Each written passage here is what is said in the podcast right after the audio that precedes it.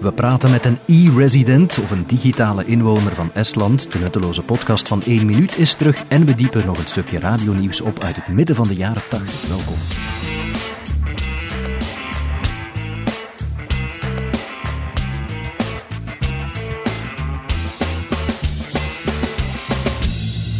Eerst naar Estland dus. Dat is een van de drie Baltische staten, drie voormalige Sovjetrepublieken die in 1991 onafhankelijk werden van de Sovjet-Unie en zich eh, sindsdien heel erg richting Europa keerden.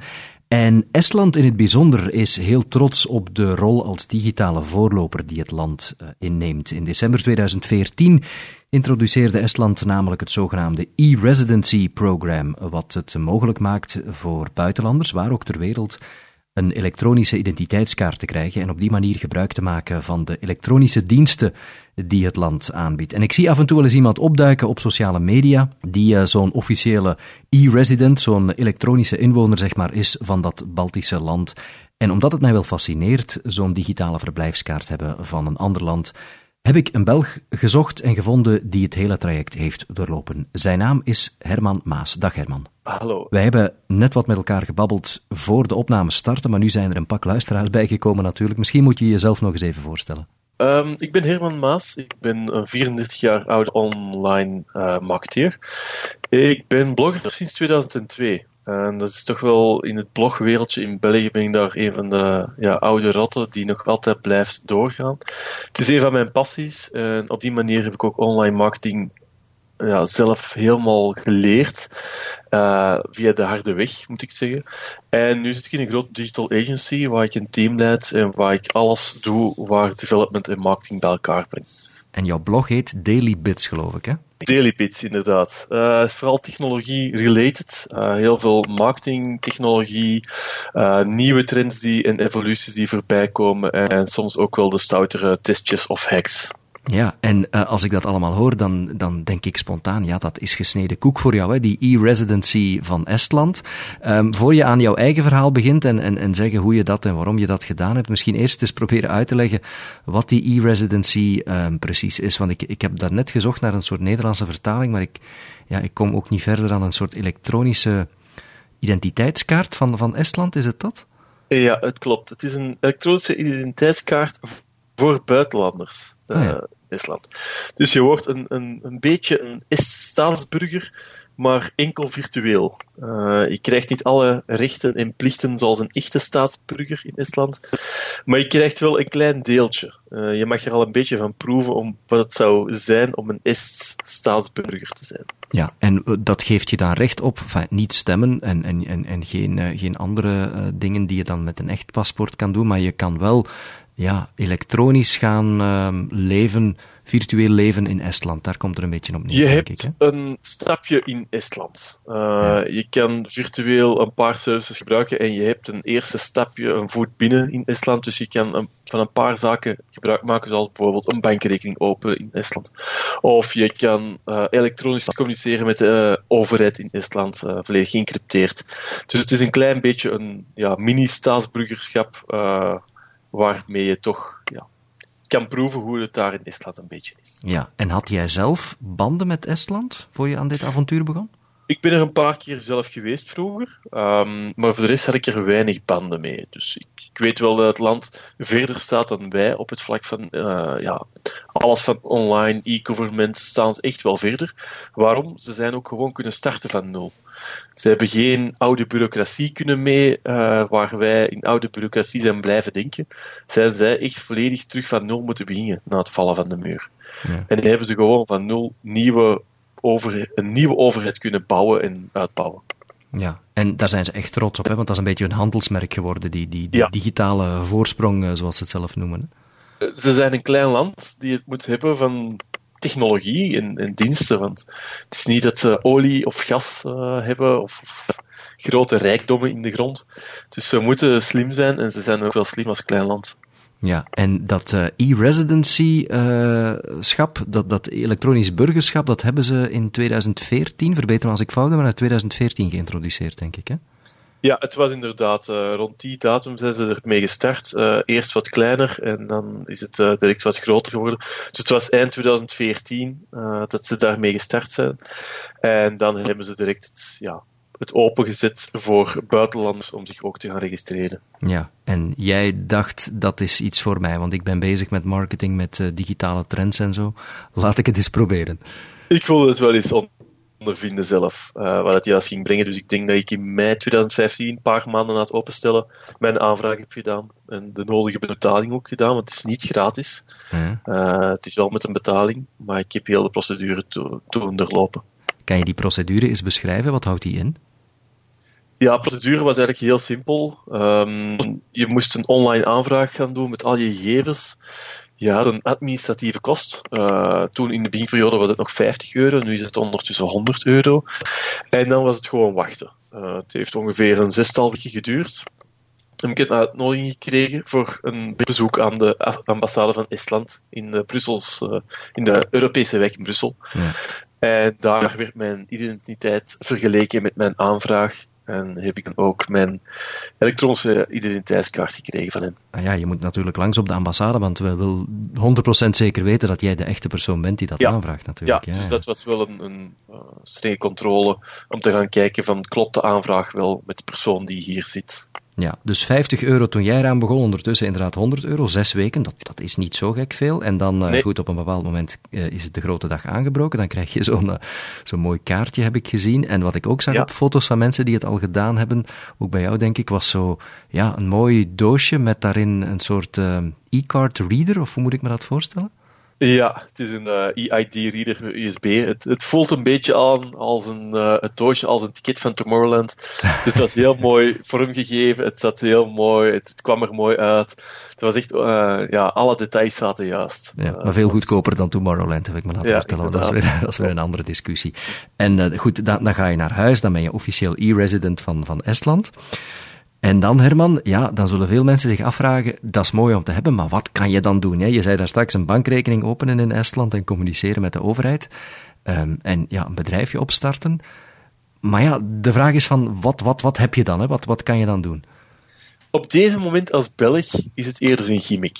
Uh, moet ik toegeven, we zijn België, we hebben ook ons EID. Um, we kunnen hier alles doen wat we ongeveer willen, maar voor als Belg zijnde, als je geen bankrekening wilt openen in Estland of geen onderneming wilt starten daar, is het eerder een gimmick. Um, dat moet ik toegeven.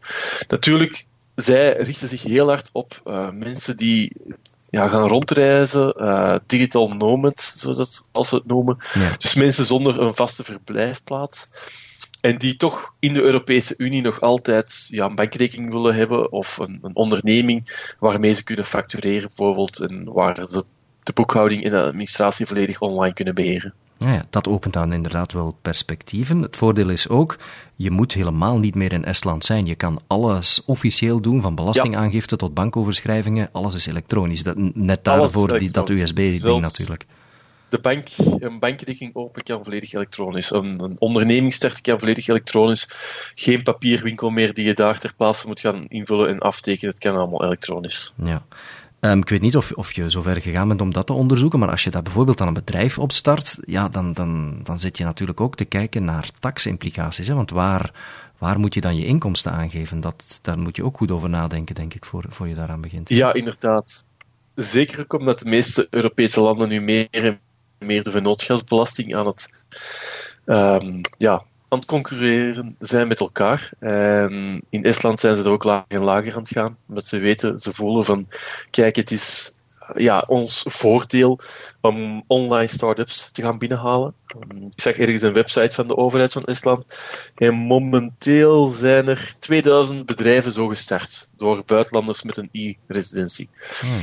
Dus dat zijn toch 2000 nieuwe bedrijven die gestart zijn. Um, en ja, die eigendom zijn van buitenlanders in Estland. Dus waar zij nu inkomsten halen, waar normaal die bedrijven in andere landen zouden uh, plaats hebben. Ja, maar als je als Belg bijvoorbeeld een deel van je activiteiten daar gaat steken, zetten, dan moet je misschien eerst eens met een goede boekhouder gaan spreken voor, uh, voor je eraan begint om te kijken wat... Uh... Dan zal je inderdaad moeten kunnen bewijzen dat, er, uh, dat je werk daar ook plaatsvindt. Uh, ah, dat ja. is natuurlijk altijd heel moeilijke. Dat je kan bewijzen van, kijk, alles wat ik doe, dat, dat gebeurt echt over daar. Uh, Hmm. Dus dat is natuurlijk een, een moeilijke. Juist. En, en het is open voor iedereen. Ik bedoel, niet alleen Europeanen kunnen, kunnen e-resident worden. Hè? Nee, het klopt. Um, het is open voor iedereen. Het is zelfs open voor Russen bijvoorbeeld. No, toch niet hun meest geliefde buur. Nee. Uh, het is echt open voor alle landen. Ja, en, en ik, ik ben nu hard op aan het denken, maar het kan natuurlijk op dat ogenblik zeer interessant zijn voor, voor niet-EU-burgers um, die toch een voet aan de grond of een voet in de deur willen hebben in Europa. Want ja, een Canadees of een, een, een Zuid-Afrikaan bijvoorbeeld kan op dat ogenblik wel perfect legaal een bedrijf starten daar en een bankrekening openen binnen, uh, ja, binnen EU-land eigenlijk. Hè? Ja, dat klopt. Dus dat is een van de grote zaken waar ze mee schermen. Um, meer en meer zijn er mensen die online freelancer worden en bijvoorbeeld vanuit Thailand gaan werken. Dus uh, dat de levensstandaard daar natuurlijk veel goedkoper is. Hmm. En uh, vanuit daar een online bedrijfje of online freelance dienst te gaan aanleveren. En zij willen soms ook nog wel in de Europese Unie kunnen geld overschrijven en dergelijke. En dan kan dat perfect, bijvoorbeeld vanuit Estland. Juist. En uh, goed, sinds jij e-resident bent, heb, heb, jij, heb jij bijvoorbeeld een bankrekening geopend? Heb jij gecommuniceerd met de overheid daar al? ik ben benieuwd naar je ervaringen daarmee. Nee, dat geef ik eerlijk toe. Ik heb nu wel een, een uh, officieel e-mailadres van de overheid in Estland. Ah, ja. Dus ik kan daarmee mailen. Uh, het wordt dan doorgestuurd naar mijn privé uh, e-mailadres. Dus je weet nooit dat het daar ooit wel eens van pas kan komen als ik eens echt een heel speciaal e-mailadres wil gebruiken voor iets. Ja. Uh, maar voor de rest heb ik momenteel nog geen plannen om een bedrijf in Estland te gaan openen. Nee. Ik, ik zou, als, ik, als ik het zelf zou hebben, denk ik dat ik de eerste weken zo trots zou rondlopen met dat kaartje in mijn portefeuille. Gewoon een soort e uh, identiteitskaart van, uh, van Estland. Ik weet niet of je zo ver gegaan bent, maar ik zou het gewoon ook leuk vinden om dat te bekijken, denk ik, om dat te hebben, ja. inderdaad. Inderdaad, dat klopt. Ik heb er inderdaad heel lang mee rondgelopen. Um, het heeft me eenmaal ook gratis bier opgeleverd zelfs. Oei, leg uit. Toen ik op um, een start-up wedstrijd was in Europa, waar ook een delegatie uh, uit Estland aanwezig was, en zonder dat ik het wist, had ik het uh, kaartje nog in mijn portefeuille. En natuurlijk, toen ik dit liet zien aan de Estse delegatie, ja, die ging natuurlijk volledig door het dak. Uh, die hadden nog niet veel e-residents in het wild gezien, om het zo te zeggen. dus die waren natuurlijk heel blij dat uh, zoiets een buitenlander die gek genoeg was om geld te betalen voor dat uh, kaartje plastic. Ja. Dus dat was uh, een leuk verhaal. Kijk, het heeft toch al iets opgeleverd, gratis, ja. uh, gratis bier. Ze zijn daar trots op, op het feit dat ze dus digitaal uh, ja, in de voorhoede zitten, zeg maar, in Europa. Um, want ja, enfin, jij bent bezig met die, met die zaken, je hebt daar beter zicht op, denk ik, maar dat wordt wel de toekomst. Hè? Volledig los van, van effectief aan een loket gaan staan, digitaal communiceren met de overheid. Daar evolueren we toch naartoe, denk ik daar zeker. Um, ik vind het gewoon heel leuk, bizar ook een beetje, is dat dit kaartje, dit project, totaal anders is dan wat er momenteel in de wereld aan het gebeuren is. Uh, meer en meer zijn we allemaal achter een grens aan het wegkruipen terug en zijn we zo hoog mogelijk een muur aan het bouwen, letterlijk of figuurlijk. En Estland, die komt met een totaal ander project en die zeggen van kijk, wij gaan ons land openstellen. Wij gaan ons land openstellen voor anderen uit andere landen. En zij mogen hier bij ons iets starten en wij gaan hen helpen. En dat vind ik natuurlijk heel leuk. Um, hoe dat zij als heel klein landje in Europa zoiets doen. En het is natuurlijk ook een beetje ja, een, een kleine knipoog naar alle andere landen waar ze willen laten zien van hey, kijk eens wat wij durven en wat wij doen. Um, ja, het is een beetje een marketinginstrument van de Estse overheid. Waar bijvoorbeeld de president ook heel hard erachter staat, achter heel de digitale revolutie. Dus um, ja, het land maakt er echt wel hun staatssterkte van. Bijvoorbeeld um, hebben ze ook al heel lang elektronisch stemmen voor burgers. Dus je moet niet meer gaan aanschuiven in de plaatselijke school. Je kan gewoon van thuis uit je stem uitbrengen. Alhoewel dat er ook wel twijfels uh, onlangs zijn gereden over de veiligheid van dat systeem. Want ze hadden daar toch een paar cruciale foutjes gemaakt met hun uh, online voting systeem. Maar um, ja, ze, ze, proberen wel en ze, ze, testen zaken uit en ze experimenteren. En dat vind ik natuurlijk altijd heel interessant om te volgen. Ja, ik vind het zelf fantastisch dat ze dat doen, dat ze dat, dat, ze dat ook durven en willen doen. Want goed, ze nemen toch een bepaald risico, denk ik. Ik, ik uh, speel nu heel even advocaat van de duivel. Je zou ook kunnen zeggen, het levert hen natuurlijk ook wel een, een aardige cent op. Hè? Uh, 100 euro ja. per, uh, per inschrijving. Ik weet niet hoeveel mensen dat nu ondertussen al gedaan hebben, maar dat, dat is ook iets interessants voor de schatkist natuurlijk. Ja, ik ga eens eventjes naar de, uh, momenteel de live stats, want ze hebben een heel mooi, mooie website met een live dashboard. Ja, je hebt me die doorgestuurd, dat is waar, ja. En als ik kijk vandaag zijn het er 14.000 ondertussen. Ah, ja. Dus 14.000 maal 100, dan hebben we natuurlijk al een heel mooi bedrag Hm. bij elkaar gebracht. En zoals je zegt, het is, het is voor een deel ook marketing. En uh, ik heb er uh, al een aantal artikels over gelezen. Het is, het is eigenlijk één groot reclamespotje uh, voor, voor Estland ook. Hè. En zeggen van kijk eens hoe, hoe goed wij bezig zijn en terecht. die site die je had doorgestuurd, ik ben er nu ook naar aan het kijken. Dat is eigenlijk geweldig. Je krijgt een soort, ja, in real time denk ik, live tracker van, van wat er allemaal bezig is. En ja, opgedeeld in verschillende grafiekjes. Uh, je moet eens kijken naar applicants by country. Het zal wel niet toevallig zijn dat Finland en Rusland, twee buurlanden tussen aanhalingstekens, het hoogste aantal deelnemers. Hè? Finland op top en dan ja. Rus, Rusland. USA toch ook op drie, dacht, zie ik. Ah, ja. Ja, dus ja ik denk dat er daar heel veel Silicon Valley mensen gewoon uit interesse ook wel eens willen zien. Is dat mensen, juist? mensen zoals jij in de sector die dat eens willen proberen. Ja. ja. Maar dus in de top drie Ja. zitten, zitten twee niet-Europese landen, inderdaad. Ja. En voor Finland is het natuurlijk, eh, Estland is altijd zo de speeltuin eh, voor Finland geweest. Ja? Dus als een, een Fin die heel strenge alcoholwetten heeft in zijn land iets goed wil doorzakken, dan neemt hij de ferry naar Estland. Het is eh, maar even varen. En in Estland gaan dan alle sluizen open van alcoholland, om het zo te zeggen. Dus dan kunnen ze zich eens volledig laten gaan daar, op die ferry. Dat is echt een aanrader om ooit eens mee te maken. Nog nooit zo'n ferry meegemaakt. Zat of ferry. Ehm, ja, echt een heel zatte ferry. Ja. En ja, voor hen is het echt de speeltuin waar zaken mogen gebeuren die in eigen land niet mogen gebeuren. Ja, ja. Dus die Finnen die eh, gooien zich op die eh, e-residency. Zij staan op 1, op 2 Rusland inderdaad. 7% van de koek. Dan 3 zie ik eh, de Verenigde Staten, 6%. Op de voet gevolgd door Oekraïne. En op 5 United Kingdom, de Groot-Brittannië. Ja, misschien inderdaad zeggen een aantal Britten, of zien zij de bui al hangen met de brexit. En misschien nog snel de deur op een kier zetten eh, voor zichzelf om toch een, een Europese bankrekening eh, te, te kunnen blijven behouden. Misschien speelt dat wel mee, hè? Ja, volgens mij is dat een van de beweegredenen. Dat er toch een paar start-ups zelfs denken van, hé, hey, kijk, we gaan daar toch ook iets starten en dan kunnen we nog altijd gebruik maken van die IBAN-regio eh, binnen Europa. Omdat je weet nooit wat er financieel van muren gaat komen. met de, voor de Britten. Dus dat lijkt me inderdaad, dat, is- dat zou interessant zijn om eens te kijken de volgende maanden dat het nummer gaat stijgen eh, van eh Groot-Brittannië. Ja, ja. Op die manier blijven ze toch nog een beetje in, eh, in Europa. Ben je nog Ja. naar die grafiek aan het kijken? Je moet eens, je Ja. moet eens naar de andere kant kijken, naar leeftijd en vooral geslacht van de, van de deelnemers. Vertel jij het maar. Ja, geslachts 88% is man van de aanvragers. Um, Ja.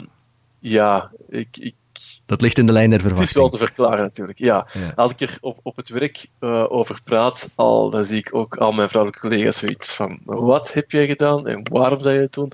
En bij de mannen is het toch meer nieuwsgierigheid van: oh, wat kan je daarmee doen? En misschien moet ik dat ook eens doen.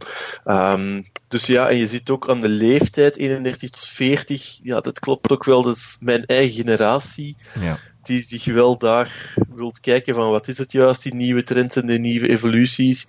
Dus ehm, ja, het is, het is in de lijn van de verwachting. Ja. Vooral het leuke is dit dashboard, ik zie het meer en meer, spijt genoeg in België nog niet echt, is dat de overheid transparantie gaat brengen.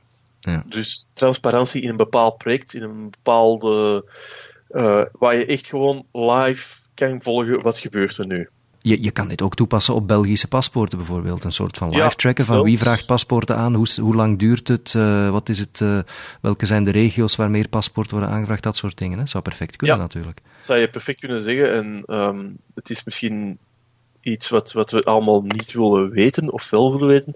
Bijvoorbeeld ja, de asielaanvragen of zoiets. ehm, of andere zaken. Dat zou je perfect transparant gewoon kunnen openstellen, zodat er geen onwaarheden meer door alle soorten partijen kunnen uitgebracht worden. Juist. Dat je gewoon ja. zelf kan zien van hoe is het nu live. Ehm, en wat zijn nu de echte cijfers. De rauwe cijfers voor iedereen beschikbaar. Ja. Ja, en ik weet dat ze in de United States daar heel erg mee bezig zijn. Dus live dashboards op alle soorten zaken eh, van de overheid, dat je gewoon kan meevolgen. Wat gebeurt er nu juist bij die overheid? Maar dan moet alles elektronisch gebeuren natuurlijk. Enfin, ik zeg niet dat, dat het niet, niet zo is, maar een aantal van die dingen zitten misschien nog gewoon niet, worden gewoon niet opgevolgd of niet gecentraliseerd. En dan is Ja. het onmogelijk, veronderstel ik. Maar een voorbeeld, bijvoorbeeld de Bob-campagne. Uh, waarom hebben we niet een grote website dat we gewoon kunnen zien van, hey, kijk, zoveel pakkans is er met de Bob-campagne nu. Zie eens hoeveel Bob-controles er al gebeurd zijn in het hele land. Dat gaat misschien mensen toch doen nadenken van, hmm, misschien ja, moet ik toch wel opletten wat ik doe. Want zie eens hoeveel keer dat er al gecontroleerd is en overal, en zelfs bij mij in de streek. Ja. Dus zo, zulke zaken zouden we perfect eigenlijk moeten kunnen openbaar brengen, transparant brengen voor iedereen, dat iedereen kan meevolgen wat gebeurt er eigenlijk met mijn geld. Ja, ik heb, ik heb inderdaad ooit, uh, denk ik, uh, het plan gehoord uh, waar men een website zou opstarten om te laten zien wat er met je belastingsgeld gebeurt, omdat mensen ja, een beetje lastig zijn als ze belastingen moeten betalen of een boete moeten betalen voor te snel rijden bijvoorbeeld. Je zou perfect een website kunnen opstarten waar, waarbij je toont van kijk, zoveel komt er binnen met een soort live uh, bedrag dat, dat de hoogte ingaat. Zoveel mensen hebben al hun steentje bijgedragen en dan een soort verdeling maakt van zoveel miljoenen gaat naar de hospitaal, zoveel miljoenen gaat naar de ja. wegenbouw, zoveel miljoenen gaat naar ik weet niet wat. Uh, zodat we echt letterlijk zien waar ons geld heen gaat. Hè. En dat, dat helpt mensen dan misschien om het, om het wat, uh, ja, om, om de, de, de pil wat te verzachten, om het zo te zeggen. Hè. Ja, het is misschien weer een brug te ver. Ik denk dat er sommige partijen liever niet hebben. Hm. Dat zulke uh, informatie echt volledig transparant op straat ligt. Maar uh, ik ben er echt wel voorstander voor, moet ik zeggen. Ja.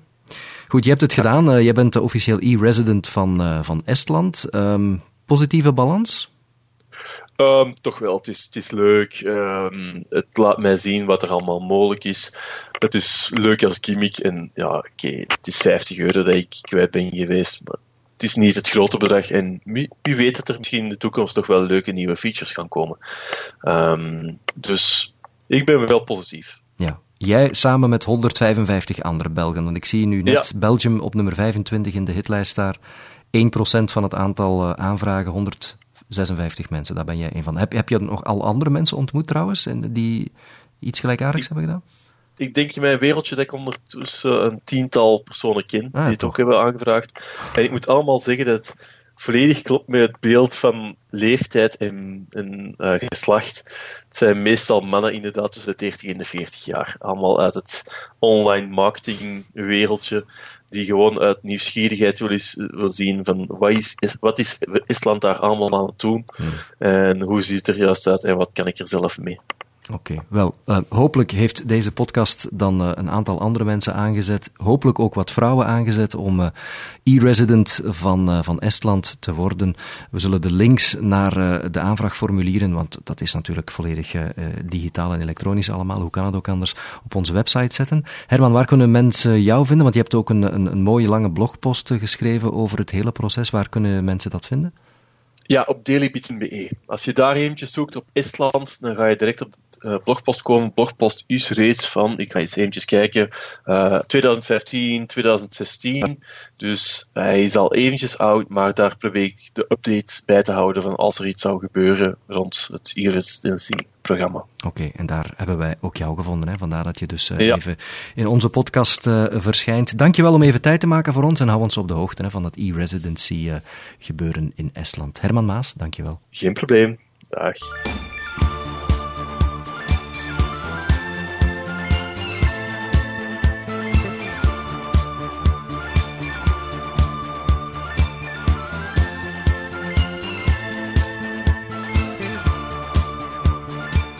Je kan ons helpen om de wind in de zeilen te houden door iemand anders te vertellen over deze podcast. Je kan een bericht delen op Facebook bijvoorbeeld. Je kan ook retweeten op Twitter.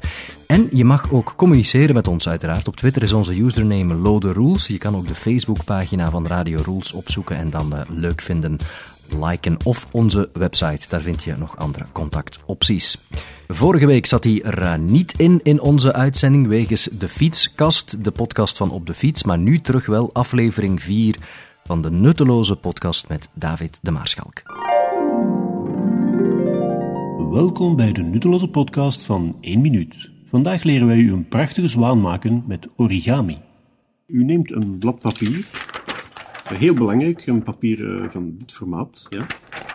en ook van deze kleur. Ja. Dan, we draaien het op deze manier en beplooien het zo. Dan nemen we deze hoek en beplooien die zo. En de andere hoek plooien we op deze manier. Dan draaien we het blad zo. We nemen deze zijde en beplooien ze zo. Stevig aandrukken, heel belangrijk. Dan draaien we de pagina zo. We nemen deze hoek, we plooien hem zo, en dan nemen de andere hoek en we plooien die zo. Samen, heel belangrijk. Dan nemen we dit zo, dat zo, en dit op deze manier. En ziezo, de zwaan is klaar. Bedankt voor het luisteren en graag tot de volgende keer. Ik ga je opnieuw een stukje archiefklank laten horen. Daar zijn we mee gestart aan het begin van het jaar. En eh, ik wil opnieuw een stukje radionieuws laten horen. Ik ben opnieuw in mijn persoonlijk archief gedoken. Ik heb daar een oud radiobulletin, een oud radionieuws gevonden van 16 november 1984, middernacht. Dus eigenlijk de nacht van 15 op 16 november 1984. De stem die je zo meteen zal horen is die van Jan Beekhuis. Jazeker, want die zat toen nog bij de radio. Die presenteerde het middernachtnieuws en blijkbaar was dat toen het laatste nieuws van de dag. Blijkbaar waren er toen in het holst van de nacht na 12 uur na middernacht geen uitzendingen meer, want hij zegt dit is het eh, laatste nieuws. Maar er was nog wel nachtradio. En dat hoor je meteen na het nieuws ook nog even een stukje van de nachtradio. Eh, dat heette toen nog wel niet nachtradio. Ehm, nachtradio werd toen gemaakt door BRT2, hè, de, de voorloper van Radio 2. En dat programma s'nachts, dat heette blijkbaar 2 tot 2. Het zal je opvallen dat het begintuentje van die nachtradio toen, van 2 tot 2, dat dat uh, een deuntje van Wim Mertens was, Close Cover. En ik zit me ook al de hele tijd af te vragen wie de presentator is van dat nachtprogramma, welke stem je meteen na het nieuws hoort voor nog wat algemene aankondigingen. En ik denk, ik geloof dat dat Paul Verdikt is. Maar ik uh, twijfel eraan. Dus als er uh, mensen zijn die dat zeker weten, en ik weet dat er een aantal VRT-medewerkers ook luisteren, radiomensen, als je denkt te weten of en indien dit Paul verdikt is, laat het mij gerust weten. Volgens mij wel, ik herken zijn, uh, zijn stem. Enfin, het radionieuws van 16 november 1984 krijg je zometeen, als het helemaal afgelopen is, na de eindtune uh, zelfs. Ondertussen ook nog even herhalen dat je je eigen naam kan horen in deze podcast door benoemd te worden als ambassadeur van Radio Rules. Het enige wat je moet doen is één welbepaalde tweet versturen. Details vind je op onze website radiorules.be. In ruil word je vermeld met naam en toenaam. Meer is het niet. En op onze website radiorules.be vind je ook meer informatie over deze uitzending en over dat e-residency program van uh, Estland bijvoorbeeld. Dank voor het luisteren en tot volgende keer.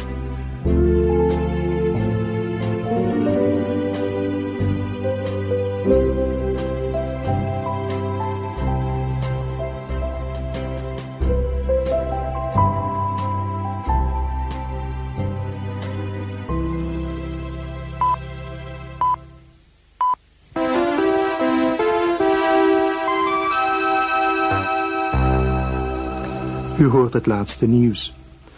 Het KMI verwacht geleidelijk breder wordende opklaringen bij temperaturen van 8 tussen 2 en 5 graden. Morgen dagtemperaturen tussen 11 en 13 graden. Het Verbond van Belgische Ondernemingen is in zijn jaarverslag tamelijk positief over de resultaten van de bedrijven. Gunstig zijn vooral een verbeterde concurrentiepositie en een zekere stabilisering van de werkgelegenheid. Volgens het VBO moet de volgende jaren gelet worden op de stijging van onze loonkosten ten opzichte van het buitenland. De werkgevers maken zich vooral zorgen over het groeiend overheidstekort en de toenemende belastingdruk. Daarom wil de organisatie dat er verder gesnoeid wordt in de staatsuitgaven. Het bezoek van de paus aan ons land volgend jaar zal waarschijnlijk twee dagen langer duren. De paus zou van 16 tot 21 mei in België zijn. Eerst was gezegd dat het bezoek van 15 tot 18 mei zou duren. De wijziging kwam er omdat het Vaticaan het reisplan te overladen vond. De CVP-jongeren vinden dat als er meer Franstalige diplomaten worden aangesteld, er ook meer Vlamingen moeten komen bij het Algemeen Bestuur voor Ontwikkelingssamenwerking en bij de Belgische Dienst voor Buitenlandse Handel. De christendemocratische jongeren reageren daarmee op de verklaringen van minister Tindemans van Buitenlandse Zaken, die meer Franstalige diplomaten wil om het taalevenwicht te herstellen. Van de ontwikkelingshelpers van het ABOS zijn er 67% Franstalige en 33% Nederlandstalige. Ondanks alle beloftes is de discriminatie van de Vlamingen hier toegenomen, zeggen de CVP-jongeren. En dan nog dit. In de Londense Royal, Royal Albert Hall is een 21-jarige Venezolaanse Miss World geworden. Astrid Herrera studeert psychologie en houdt van parachutespringen. Aan de eretitel is een slordige 20 miljoen verbonden. Dat was het nieuws. Aansluitend nog verkeersinformatie.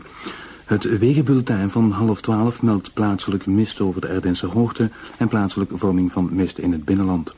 Voor bruggen en wegen geldt wintertype A. Het is nu vier minuten over middernacht.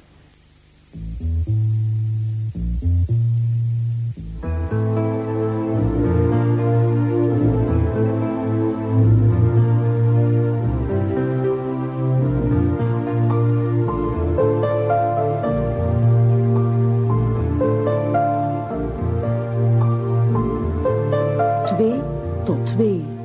De nachtuitzendingen van BRT 2.